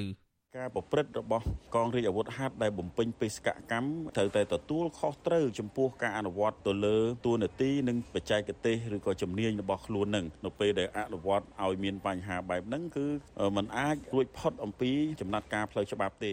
អនុប្រធានភូមិរូងឃុំក្រវ៉ាស្រុកបារាយខេត្តកំពង់ធំ លោកសួងដនបានស្លាប់កាលពីថ្ងៃទី7ខែសីហានៅក្នុងពេលសមត្ថកិច្ចចុះឃាត់ខ្លួនអ្នកលេងល្បែងឡូតូអនឡាញខណៈរូបលោកកំពុងជ្រកភ្លៀងនៅជិតកន្លែងកើតហេតុតាមការរៀបរាប់របស់កូនស្រីរបស់លោកសួងដន់គឺកញ្ញាឌិនរតនាឪពុករបស់នាងត្រូវបាន PM ដេញចាប់និងសង្កត់កទៅខាងក្រោយបណ្ដាលឲ្យលោកថប់ដង្ហើមរហូតដល់ស្លាប់ កញ្ញាបញ្ជាក់ថាឪពុករបស់កញ្ញាមិនមានការជាប់ពាក់ព័ន្ធទៅនឹងការប្រព្រឹត្តល្បែងស៊ីសងនោះទេទោះជាយ៉ាងណា សមត្ថកិច្ចមូលដ្ឋានបានធ្វើកសលវិច័យថាលោកសួងដន់បានស្លាប់ដោយសារជំងឺគាំងបេះដូងក៏ប៉ុន្តែលទ្ធផលនេះត្រូវបានក្រុមគ្រួសារនិងអ្នកភូមិច្រានចោលថាមិនមែនជាការពិតនោះទេនិងថានេះជាបំណងកិច្ចវេះមិនទទួលកំហុសរបស់ខ្លួនតែប៉ុណ្ណោះ វិទ្យុអាស៊ីសេរីនៅពុំទាន់អាចតាក់ទងแนะនាំពាក្យកងរាជអាវុធហត្ថលើផ្ទៃប្រទេសគឺលោកអេងហ៊ីដើម្បីសុំការអធិប្បាយអំពីបញ្ហានេះបាននៅឡើយទេនៅថ្ងៃទី10ខែសីហាក៏ប៉ុន្តែលោកបានបកស្រាយតាមរយៈបណ្ដាញសង្គម Facebook ថាលោកសួងដន់បានស្លាប់ដោយសារថប់ដង្ហើមខណៈពេលដែលមន្ត្រីកងរាជអាវុធហត្ថបានជួយធ្វើចលនាបេះដូងនិងបញ្ជូនមកសង្គ្រោះនៅមន្ទីរពេទ្យបង្អែកខេត្តកំពង់ធំ តកតងរឿងនេះដែរមេបញ្ជាការកងរាជអាវុធហត្ថលើផ្ទៃប្រទេសលោកសៅសុខា បានអះអាងកាលពីថ្ងៃទី8ខែសីហាថាលោកបានបញ្ជាឲ្យផ្អាកការងារមន្ត្រីពាក់ព័ន្ធទាំង11នាក់ដែលចុះទៅឃាត់ខ្លួនជនរងគ្រោះស្ថិតនៅក្នុងបន្ទាយរួចហើយដើម្បីរងចាំការស៊ើបអង្កេតជាមុនសិនជុំវិញរឿងនេះនាយកទទួលបន្ទុកកិច្ចការទូតនៃអង្គការសិទ្ធិមនុស្សលីកាដូលោកអំសំអាតប្រាប់វិទ្យុអាស៊ីសេរីថា លោកគាំទ្រចំពោះចំណាត់ការរបស់លោកសៅសុខាដែលបង្កើតឲ្យមានក្រុមការងារចំពោះកិច្ចស្រាវជ្រាវក្នុងករណីនេះទោះជាយ៉ាងណាលោកចាត់ទុកថាការស្លាប់របស់ជនរងគ្រោះជាការបង្ហាញពីការអនុវត្តទូនីតិប្រឆាចពីវិជ្ជាជីវៈរបស់មន្ត្រី PM លោកឲ្យដឹងថានៅក្នុងពេលឃាត់ខ្លួនជនសង្ស័យណាម្នាក់អាញាធរគ្មានសិទ្ធិប្រើអំពើហិង្សាទៅលើពួកគាត់នោះទេលុះត្រាតែមានការតដៃឬវាយប្រហារពីអ្នកទាំងនោះ លោកបន្តថាប្រសិនបើមន្ត្រីទាំងនោះប្រព្រឹត្តខុសនឹងវិជ្ជាជីវៈនិងនីតិវិធីជាពិសេសការខាត់ខ្លួនណាមួយដែលបណ្ដាលឲ្យជនសង្ស័យស្លាប់បែបនេះនោះពួកគេក៏ត្រូវប្រឈមមុខចំពោះច្បាប់ដោយប្រជាពលរដ្ឋទូទៅដែរលោកជំរុញឲ្យក្រុមការងារកងរាជអាវុធហត្ថលើផ្ទៃប្រទេសបង្កើនការស៊ើបអង្កេតក្នុងករណីនេះឲ្យបានត្រឹមត្រូវនិងដោយយកចិត្តទុកដាក់ព្រមទាំងមានដំណាភាពដើម្បីវែកមុខជនបង្កយកមកដាក់ទោសឲ្យបានធ្ងន់ធ្ងរតាមផ្លូវច្បាប់ដើម្បីផ្ដល់យុត្តិធម៌ដល់គ្រួសារជនរងគ្រោះ។ មន្ត្រីនគរបាលយុទ្ធធរក្តីមន្ត្រីកងរាជអាវុធហត្ថក្តីពេលដែលអនុវត្តប្រតិបត្តិការរបស់ខ្លួនត្រូវតែប្រកាន់ភ្ជាប់ទី1គឺអនុវត្តច្បាប់ទី2អនុវត្តតាមទេវិធីទី3ត្រូវគោរពទៅតាមក្រមសីលធម៌នៃវិជ្ជាជីវៈរបស់ខ្លួនមិនអាចយកទូនីតិភារកិច្ចក្នុងពេលប្រតិបត្តិការនឹងប្រើប្រាស់នៅអង្គើហិង្សាប្រើប្រាស់នៅទរណកម្មដោយខុសច្បាប់ឬក៏ទង្វើខុសខើអមនុស្សធម៌ដែលផ្ទុយពីច្បាប់នឹងបានទេ ករណីអាញាធមមានសមត្ថកិច្ចប្រើអំពើហិង្សាលើប្រជាពលរដ្ឋរហូតដល់ស្លាប់នៅក្នុងពេលឃាត់ខ្លួននេះបានកើតឡើងជាហូរហែជាឧទាហរណ៍កាលពីចុងឆ្នាំ2019កន្លងទៅអតីតមន្ត្រី PM ជាន់ខ្ពស់ពីររូបនៅខេត្តបន្ទាយមានជ័យបានប្រើអំពើហិង្សានិងធ្វើទារុណកម្មលើប្រជាពលរដ្ឋតវ៉ាដីធ្លីចំនួន5នាក់បណ្ដាលឲ្យបរិសម្នាក់ឈ្មោះទុយស្រស់បានស្លាប់និងមួយចំនួនទៀតរងរបួស តុលាការខេត្តបន្ទាយមានជ័យបានផ្ដន់ទោសជនដៃដល់ទាំងពីររូបដាក់ពន្ធនាគារម្នាក់4ឆ្នាំនិងម្នាក់ទៀត7ឆ្នាំពីបទហិង្សាដោយចេតនាមានស្ថានទម្ងន់ទោសនិងហិង្សាដោយចេតនាមានស្ថានទម្ងន់ទោសដោយសារមរណភាពនៃជនរងគ្រោះក៏ប៉ុន្តែម្នាក់ក្នុងចំណោមជនដៃដល់ទាំងពីររូបនោះគឺអតីតមេបញ្ជាការរងកងរាជអាវុធហត្ថខេត្តបន្ទាយមានជ័យលោកសប៊ុនសឿងត្រូវបានសាលាឧទ្ធរកាត់តម្រឹមទោសនិងដោះលែងវិញក្រោយពីអនុវត្តទោសបានតែជាង1ឆ្នាំ ដោយឡែកករណីមួយទៀតកាលពីថ្ងៃទី3ខែមេសាឆ្នាំ2021បរិះម្នាក់ឈ្មោះពេជ្រធីរ៉េតដែលរស់នៅស្រុកសង្កែខេត្តបាត់ដំបងបានបាត់បង់ជីវិតនៅក្នុងពេលប៉ូលីសចាប់ឃុំខ្លួនសួរចម្លើយនៅក្នុងអធិការដ្ឋាននគរបាលស្រុកសង្កែអស់រយៈពេលជាង3ម៉ោងទោះបីជាគណៈកម្មាធិការជាតិប្រឆាំងទារុណកម្មស៊ើបអង្កេតរកឃើញថាការស្លាប់នេះមានជាប់ពាក់ព័ន្ធនឹងការធ្វើទារុណកម្មរបស់នគរបាលស្រុកសង្កែយ៉ាងណាក្តី ក៏អ្នកជាប់សង្ស័យនៅក្នុងករណីនេះនៅតែមានសេរីភាពដដែលមកទល់នឹងពេលនេះ។ខ្ញុំយ៉ងច័ន្ទដារាវិទ្យុអាស៊ីសេរីរាយការណ៍ពីរដ្ឋធានី Washington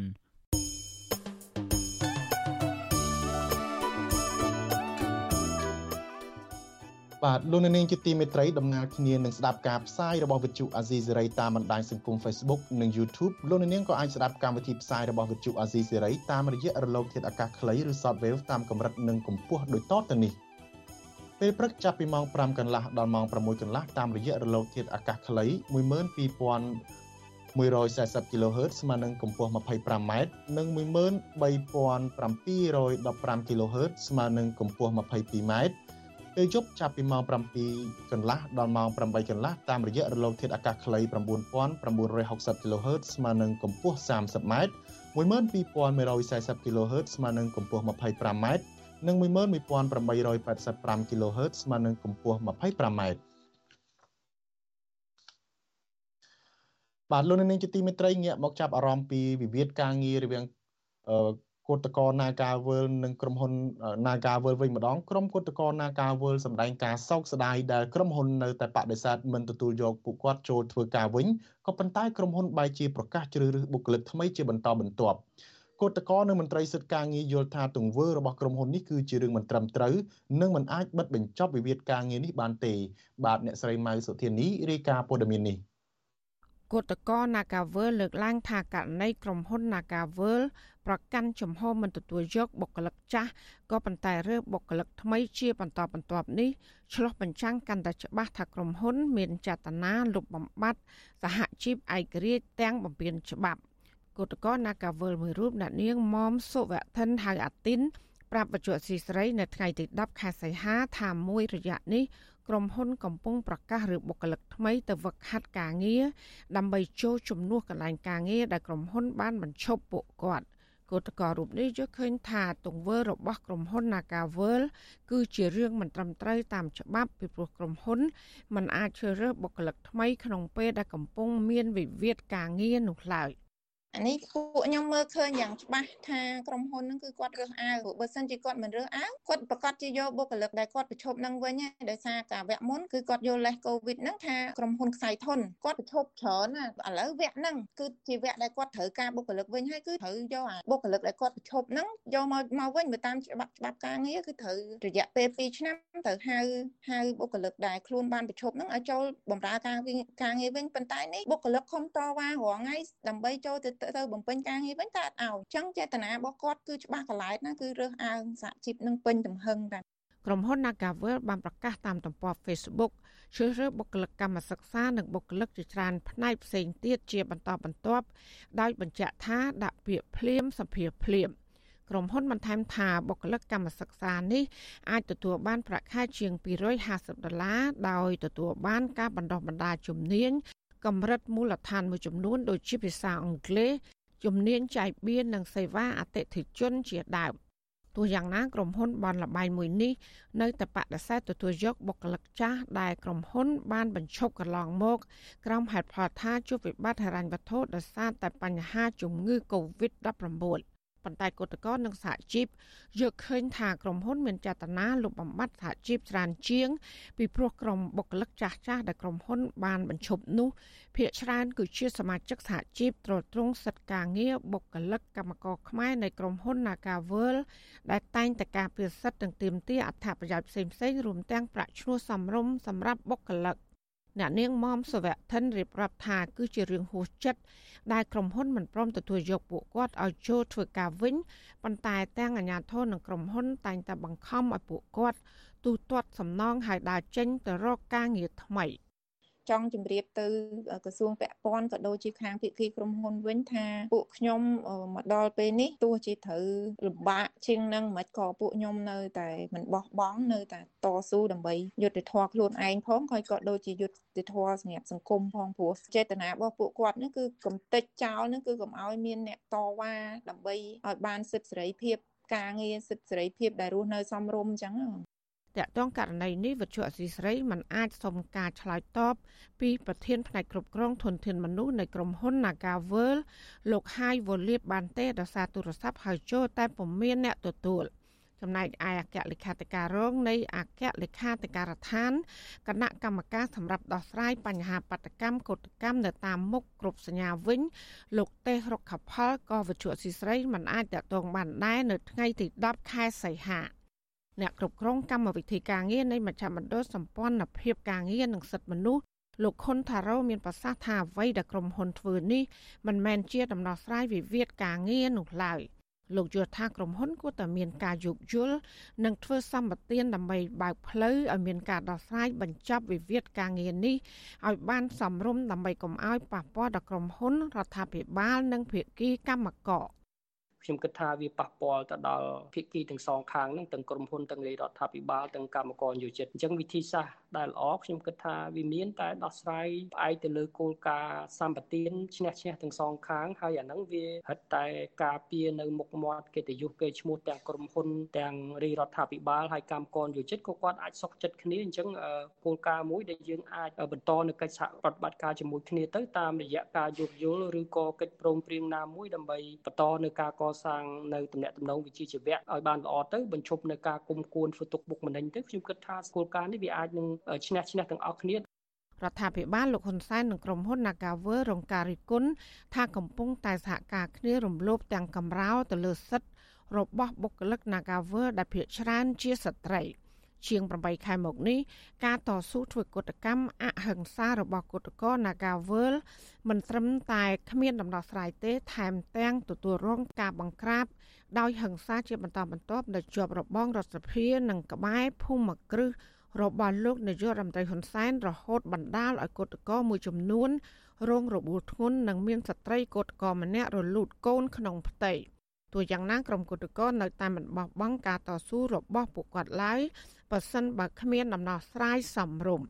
ចានាងខ្ញុំម៉ៃសុធានីវັດឈូអាស៊ីស្រីប្រធានាធិបតី Washington បាទលោកនាងជាទីមេត្រីគណៈបកប្រជាជនកម្ពុជា បានបែងចែកមុខព្រួញជាច្រើន ក្នុងការពង្រីកឥទ្ធិពលនយោបាយរបស់ខ្លួននៅប្រទេសអូស្ត្រាលីហើយនៅរាត្រីនេះយើងនឹងមានបទសម្ភាសន៍មួយជាមួយនឹងអ្នកវិភាគនយោបាយដើម្បីពិនិត្យមើលតើគណៈបកប្រជាជនកម្ពុជាចូលមកពង្រីកឥទ្ធិពលនយោបាយនៅប្រទេសអូស្ត្រាលីនេះតាមច្រកណាខ្លះហើយបង្កការភ័យខ្លាចដល់សហគមន៍ខ្មែរបែបណាខ្លះបាទជាបន្តទៅនេះសូមស្ដាប់បទសម្ភាសន៍ដូចតទៅបាទ សូមយើងរាត្រីនេះគឺថាមានការចូលរួមពីលោកបណ្ឌិតសេងសេរីបាទសូមជម្រាបសួរលោកបណ្ឌិតបាទបាទសូមជម្រាបសួរបាទបាទអឺដោយសារតែលោកបណ្ឌិតក៏ជាអ្នករស់នៅប្រទេសអូស្ត្រាលីដែរហើយលោកបណ្ឌិតបានឃើញហើយថាទឹកដីអូស្ត្រាលីនេះហើយគឺជាកន្លែងដែលមានចលនាបាតុកម្មប្រឆាំងនឹងវត្តមានលោកនាយរដ្ឋមន្ត្រីហ៊ុនសែនកន្លងមកនឹងអឺរហូតដល់ដុតទីងមងផងហើយលោកនាយរដ្ឋមន្ត្រីថែមទាំងប្រកាសឋានណាដុតទីងមងប្រឆាំងរូបលោកនឹងតាមវាយដល់ផ្ទះ ក៏ប៉ុន្តែពលរដ្ឋខ្មែរដែលរស់នៅប្រទេសអូស្ត្រាលីនឹងក៏នៅតែតវ៉ាប្រឆាំងនឹងវត្តមានលោកក្នុងទឹកដីប្រទេសមួយនេះដោយសារតែមិនគ្រប់គ្រងទៅនឹងទង្វើរំលោភសិទ្ធិមនុស្សនិងទង្វើរំលោភគោលការណ៍ប្រជាធិបតេយ្យអីជាដើមបាទហើយយើងឃើញថាក្រោយពេលដែលលោកនាយករដ្ឋមន្ត្រីហ៊ុនសែន បាត់បង់ប្រជាប្រិយភាពបន្តិចម្ដងបន្តិចម្ដងមានគណៈបកប្រឆាំងកាលដែលមានវត្តមានគណៈបកសង្គ្រោះជាតិមានការកើនឡើងសម្លេងអីជាដើមនឹងក្រោយមកលោកនាយករដ្ឋមន្ត្រីហ៊ុនសែនក៏បានរំលាយគណៈបកប្រឆាំងទៅវិញនឹងគឺថាគណៈបកប្រជាជនកម្ពុជាចាប់ផ្ដើមពង្រីកឥទ្ធិពលនយោបាយរបស់ខ្លួនពង្រីកបណ្ដាញរបស់ខ្លួនទៅក្រៅប្រទេសនឹងគឺថាយ៉ាងសម្បើមចាប់តាំងពីឆ្នាំ2015មកបាទខ្ញុំចង់ដឹងពីការកត់សម្គាល់របស់លោកបណ្ឌិតបន្តិចទេថាតើលោកបណ្ឌិត កត់សម្គាល់បែបណាដែរគណៈបកប្រជាជនកម្ពុជាមកពង្រីកឥទ្ធិពលនៅប្រទេសអូស្ត្រាលីនេះលោកបណ្ឌិតឃើញថាគេធ្វើតាមរបៀបណាតាមច្រកណាដែរបាទបាទសូមជម្រាបសួរម្ដងទៀតបងប្អូនអ្នកស្ដាប់វិសុអេស៊ីសេរីហើយបើយើងពិនិត្យមើលថាតើមធ្យោបាយណា ដែលគណៈបកកណ្ដាលអំណាចឬក៏គណៈបកប្រជាជនកម្ពុជាចូលមកក្នុងប្រទេសអូស្ត្រាលីពង្រីកឥទ្ធិពលឬក៏ពង្រីក ដើម្បីស្វែងរកការគ្រប់គ្រងពីពលរដ្ឋខ្មែរអូស្ត្រាលីនៅក្នុងប្រទេសអូស្ត្រាលីនេះយើងឃើញថាមធ្យោបាយដែលពួកគាត់ចូលមកហ្នឹងគឺតាមរយៈទី1តាមរយៈសមាគមនិស្សិតជាពិសេសសមាគមនិស្សិតដែលទទួលបានអាហារូបករណ៍មករៀននៅក្នុងប្រទេសអូស្ត្រាលីអញ្ចឹងគាត់បញ្ចូលមនោគមវិជ្ជាមានន័យថាមនោគមវិជ្ជាឬក៏អឺ ការពាក់ព័ន្ធជាមួយនឹងគណៈបកឬក៏ឲ្យនិស្សិតទាំងនោះដែលនឹងអាចត្រឡប់ទៅប្រទេសកម្ពុជាវិញក្រោយពីបញ្ចប់ការសិក្សាហ្នឹងគឺអាចមានទូនាទីនៅក្នុងប្រទេសកម្ពុជាអញ្ចឹងនេះមធ្យោបាយទី1ច្រកទី2ដែលយើងដែលខ្ញុំសង្កេតឃើញដែរហ្នឹងគឺគាត់ធ្វើការទំនាក់ទំនងជាមួយនឹងអាជីវករនៅក្នុងប្រទេសអូស្ត្រាលីជាពិសេសអាជីវករអាជីវករខ្នាតតូច ម្ចាស់ភោជនីយដ្ឋានឬក៏ម្ចាស់ហាងផ្សេងផ្សេងហ្នឹងគាត់អាចអឺដាក់ទុនរស់ស៊ីជាមួយគ្នាមិនត្រឹមតែរស់ស៊ីនៅក្នុងប្រទេសអូស្ត្រាលីទេអាចរស់ស៊ីនៅក្នុងប្រទេសកម្ពុជាដែរអញ្ចឹងជួយបង្កើតនៅបណ្ដាញគ្នាទៅវិញទៅមកហើយអាចទទួលបានព័ត៌មានពិតពីក្នុងសហគមន៍ច្រកទី3នោះគឺដែលខ្ញុំសង្កេតឃើញកន្លងមកដែរនោះគឺតាមរយៈវត្តអារាម ដូចជាការចូលរួមចំណែកកសាងវត្តអារាមផ្នែកខ្លះនៅក្នុងវត្តអារាមហើយពេលខ្លះហ្នឹងគឺមានបញ្ចូលមនុស្សឬក៏អាចតាក់ទាញមនុស្សនៅក្នុងគណៈកម្មការវត្តហ្នឹងធ្វើឲ្យអតិពលរបស់គណៈកម្មការអាចារ្យហ្នឹងគឺរហូតដល់ពេលខ្លះហ្នឹងមានអតិពលលើសសក្រិតវត្តទៅទៀតហើយយើងឃើញថាកន្លងមកនេះក៏ឃើញមានការប្រទាំងប្រទើគ្នារវាងគណៈកម្មការអាចារ្យការប្រទាំងប្រទើគ្នារវាងក្រុមដូនជីនៅក្នុងវត្តហ្នឹងហើយជាមួយនឹងព្រះសង្ឃ ដូច្នេះអ្វីដែលជាការចាប់ផ្ដើមដំបូងហ្នឹងគឺបង្ហាញនៅការបែកបាក់សាមគ្គី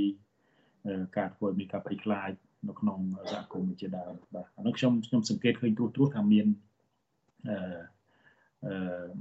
ច្រក4 3 4ច្រកនេះហើយដែលដែលដែលបញ្ជ្រាបចូលក្នុងសហគមន៍ចំនួននៅក្នុងប្រទេសអូស្ត្រាលីហើយកន្លងមកយើងឃើញថាគណៈបក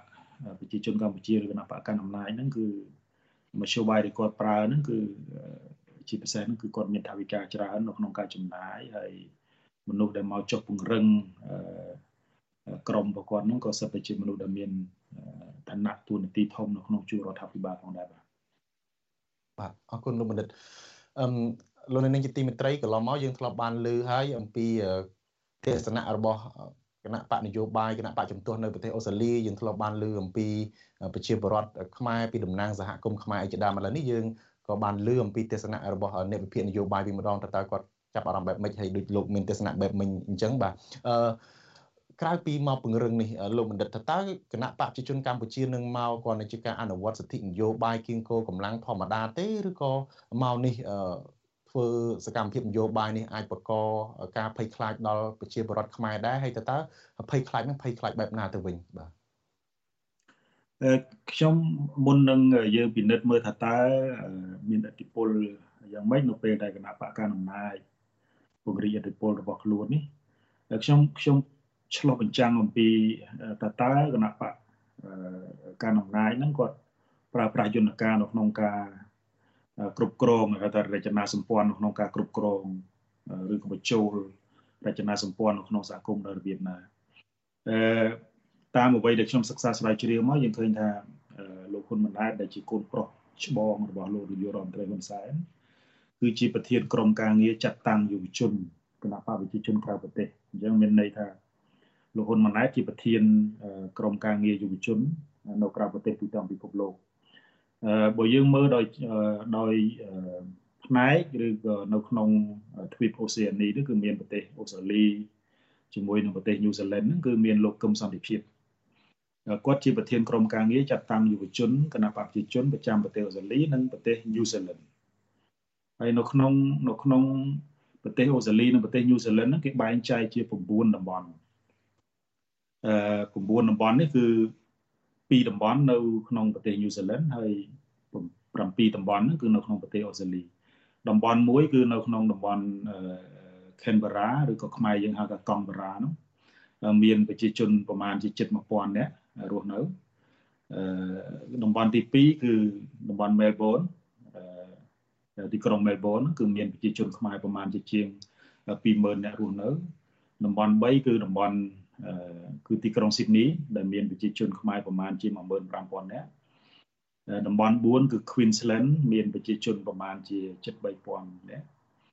រស់នៅទីនោះតំបន់5គឺនៅប្រទេស New Zealand គឺនៅក្នុងទីក្រុង Auckland ហើយនិងទីក្រុង Hamilton ហើយតំបន់6ហ្នឹងគឺទីក្រុង Adelaide ដែលមានប្រជាជនខ្មែរប្រមាណជា3000គ្រួសាររស់នៅ ហើយតំបន់7ហ្នឹងគឺ Darwin ក្រុង Darwin ក្រុងនេះគឺមានប្រជាជនខ្មែរតិចតួចមែនទែនប្រមាណជា2 300គ្រួសារទេរស់នៅហើយតំបន់8ហ្នឹងគឺ Perth ក្រុង Perth ទីក្រុង Perth ហ្នឹងគឺមានប្រមាណជា1500គ្រួសាររស់នៅហើយតំបន់9ហ្នឹងគឺជាតំបន់ចុងក្រោយគេហ្នឹងគឺនៅប្រទេស New Zealand ដែលមានការរួមគ្នាក្រុងចំនួន3បាទក្រុង Wellington ក្រុង Christchurch ហើយនិង Palmerston ហើយហើយនៅក្នុងតំបន់នីមួយៗនេះគេមានអ្នកគ្រប់គ្រងឬក៏ប្រធានក្រុមការងាររបស់គេនៅក្នុងរដ្ឋនីមួយៗឬក៏នៅក្នុងក្រុងនីមួយៗតែខ្ញុំចង់លើកមួយចំនួនដូចជាឧទាហរណ៍នៅក្នុងនៅក្នុងតំបន់ធំធំនៅក្នុងប្រទេសអូស្ត្រាលីមានមានដែលខ្មែររស់នៅច្រើនជាងគេហ្នឹងមាន3ក្រុងក្រុងស៊ីដនីក្រុង Melbourne ហើយនិងក្រុងនៅក្នុងក្រុង Adelaide នៅក្នុងក្រុង Sydney នេះយើងឃើញប្រជាជនច្រើនជាងគេ យើងឃើញមានឧត្តមឧត្តមនាឧត្តមនាវិកគេហៅឧត្តមនាវិកឯកហួហាប់បាទគាត់ជាមេវិជាការកងទ័ពជើងទឹកមេវិជាការរងកងទ័ពជើងទឹកដែលជាអ្នកដែលគ្រប់គ្រងឬក៏ជាអ្នកដែលចុះពង្រឹងនៅក្នុងទីក្រុងស៊ីដនីហើយបើយើងមើលកលេចមើលនៅក្នុងទីក្រុងមែលប៊នគឺមានឧត្តមសេនីយ៍តូឡាវវ៉ាន់បាទ គាត់ជាមេវិជាការរងកងទ័ពគេហៅកងពលតូចលេខ70ហើយបើយើងមើលនៅក្នុងទីក្រុងអាឡែតគឺមានលោកអិនមេត្រាប្រធានយោធាធានារ៉ាប់រងហើយនិងសោធននិវត្តជារួមទាំងប្រទេសញូហ្សេឡង់ទាំងប្រទេសអូស្ត្រាលីនេះបើយើងមើលរចនាសម្ព័ន្ធនៅក្នុងការគ្រប់គ្រងឬក៏រចនាសម្ព័ន្ធនៅក្នុងការពង្រីកឥទ្ធិពលនេះគឺមានរចនាសម្ព័ន្ធច្បាស់លាស់ ហើយសិតតែជាមនុស្សដែលមានធ្លាប់រស់នៅក្នុងប្រទេសអូស្ត្រាលីធ្លាប់រស់នៅក្នុងប្រទេសញូហ្សេឡង់ហើយជាមនុស្សដែលមានឋានៈខ្ពស់នៅក្នុងជួរមន្ត្រីរាជការនៅក្នុងប្រទេសកម្ពុជា មានឋានៈដំសនីឋានៈរដ្ឋលេខាធិការរបស់ក្រសួងអឺហើយនឹងអគ្គនាយកអគ្គនាយករងអីជាដើមហើយសកម្មភាពដែលដែលពួកគាត់ធ្វើហ្នឹងគឺពួកគាត់ធ្វើ កិច្ចការងារគាត់មានបែងចែកនៅក្នុងរដ្ឋមួយមួយហ្នឹងគាត់មានបែងចែកក្រុមការងាររបស់គាត់មានក្រុមការងារគ្រប់គ្រងនិស្សិតយុវជន មានក្រុមការងារគ្រប់គ្រងអាជីវករមានក្រុមការងារសិល្បៈវប្បធម៌មានក្រុមការងារចុះពង្រឹងឬក៏គ្រប់គ្រងអ្នកម៉ៅការចំការដោយសារនៅក្នុងចំការហ្នឹងគឺមានពលរដ្ឋខ្មែរច្រើនណាស់ធ្វើការជាពិសេសនៅក្នុង ជាជាកសិករនៅក្នុងកសិដ្ឋានពាំងបាជូហើយក៏មានក្រុមការងារផ្សព្វផ្សាយព័ត៌មានអីជាដើមអញ្ចឹងសួរថាតើអាការរៀបចំរៀបរៀបចំរចនាសម្ព័ន្ធនៅក្នុងការពង្រឹងនៅក្នុងការពង្រឹងគណៈបកឬក៏នៅក្នុងការពង្រឹងមូលដ្ឋានឬក្នុងការពង្រឹងនៅក្រុងនីមួយៗនេះមិនមែនជារឿងមិនមែនជារឿងសាមញ្ញពេកទេដែលអាចរៀបចំរចនាសម្ព័ន្ធ មានភាពច្បាស់លាស់ហើយនឹងមានការទទួលខុសត្រូវច្បាស់លាស់បែបនេះ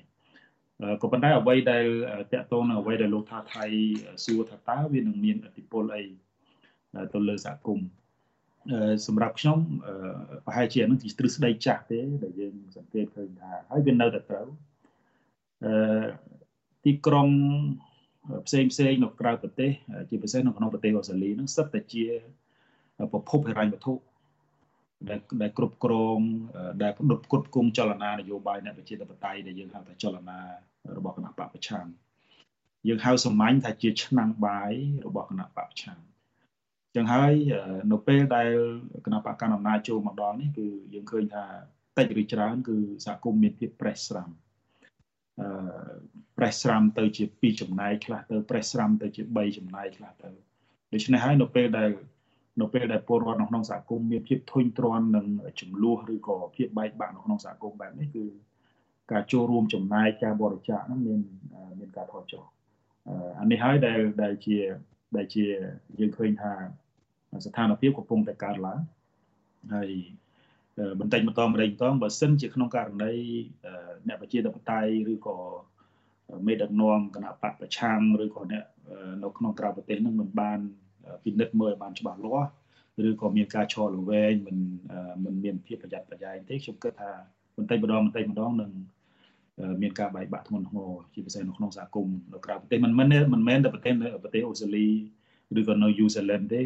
ជាពិសេសនៅប្រទេសនៅក្នុងតំបន់អាមេរិកឯជាដើមក៏នឹងជួបសាមស្ដាប់ លោកបណ្ឌិតមានប្រសាសន៍មិញនេះគឺថាបណ្ដាញរបស់គណៈបព្វជិជនកម្ពុជានឹងគឺថាកលាញញឹកដូចសបុកពីងពីងអញ្ចឹងបាទគឺថាមានរចនាសម្ព័ន្ធនឹងច្រើននៅក្នុងតំបន់នីមួយនីមួយនឹងក្រៅពីមានអ្នកគ្រប់គ្រងតំបន់នឹងហើយនៅក្នុងនឹងមានសមាជិកនឹងទទួលបន្ទុកការងារនឹងរៀងរៀងខ្លួនទៅទៀតហើយមានគោលដៅទៅគឺថាកាត់បន្ថយអតិពលឬក៏កាត់បន្ថយ ជំនួយ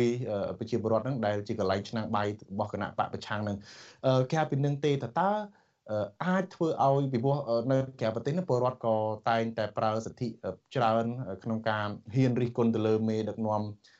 នៅក្នុងប្រទេសនៅឯប្រទេសកម្ពុជាតើតើអាចទេនៅពេលដែលបណ្ដាញរបស់គណៈបកប្រជាជនកម្ពុជាជ្រៀតចូលគ្រប់ទីកន្លែងគ្រប់អីចេះអាចធ្វើឲ្យសម្លេងអ្នកប្រជាធិបតេយ្យនឹង អឺមិនហ៊ានបញ្ចេញដូចមុនទេរួញជាងមុនទេឬក៏មិនដែរបាទខ្ញុំមើលឃើញស្ថានភាពពីរលោកថៃបាទទី1បើយើងមើលរដ្ឋាភិបាលមុនរដ្ឋាភិបាលរបស់គណៈបក Liberal ដែលទើបតែចាញ់ឆ្នោតពី3ខែមុននេះគាត់ក៏បរាជ័យនៅក្នុងការអនុវត្តអនុវត្តច្បាប់មួយគេហៅច្បាប់នៃការ គេហៅ foreign interference គឺការលូកដៃរបស់រដ្ឋបរទេសនៅក្នុងប្រទេសអូស្ត្រាលីអញ្ចឹងរដ្ឋាភិបាលមុនដែលដឹកនាំរដ្ឋាភិបាលរបស់ប្រទេសអូស្ត្រាលីហ្នឹងក៏ទទួលបរាជ័យនៅក្នុងការធ្វើកិច្ចការងារហ្នឹងដែរមកដល់ពេលនេះរដ្ឋាភិបាលដែលដឹកនាំដោយគណៈបក Labor ហ្នឹងកន្លងមកបើខ្ញុំចាំមិនខុសទេ គឺបានសន្យាច្បាស់ណាស់ជាមួយនឹងសហគមន៍ខ្មែរនៅក្នុងប្រទេសអូស្ត្រាលី ថានឹងជួយចាត់ចែងការពង្រីកអធិបុលរបស់របស់គណៈបកកណ្ដាលអំណាចឬក៏របស់រដ្ឋាភិបាលដែលមាននិន្នាការមិនគោរពសិទ្ធិមនុស្សប្រជាធិបតេយ្យអីចឹងប៉ុន្តែមកដល់ពេលនេះយើងឃើញថានៅតែមិនទាន់ឃើញមានវិធានការអីទេ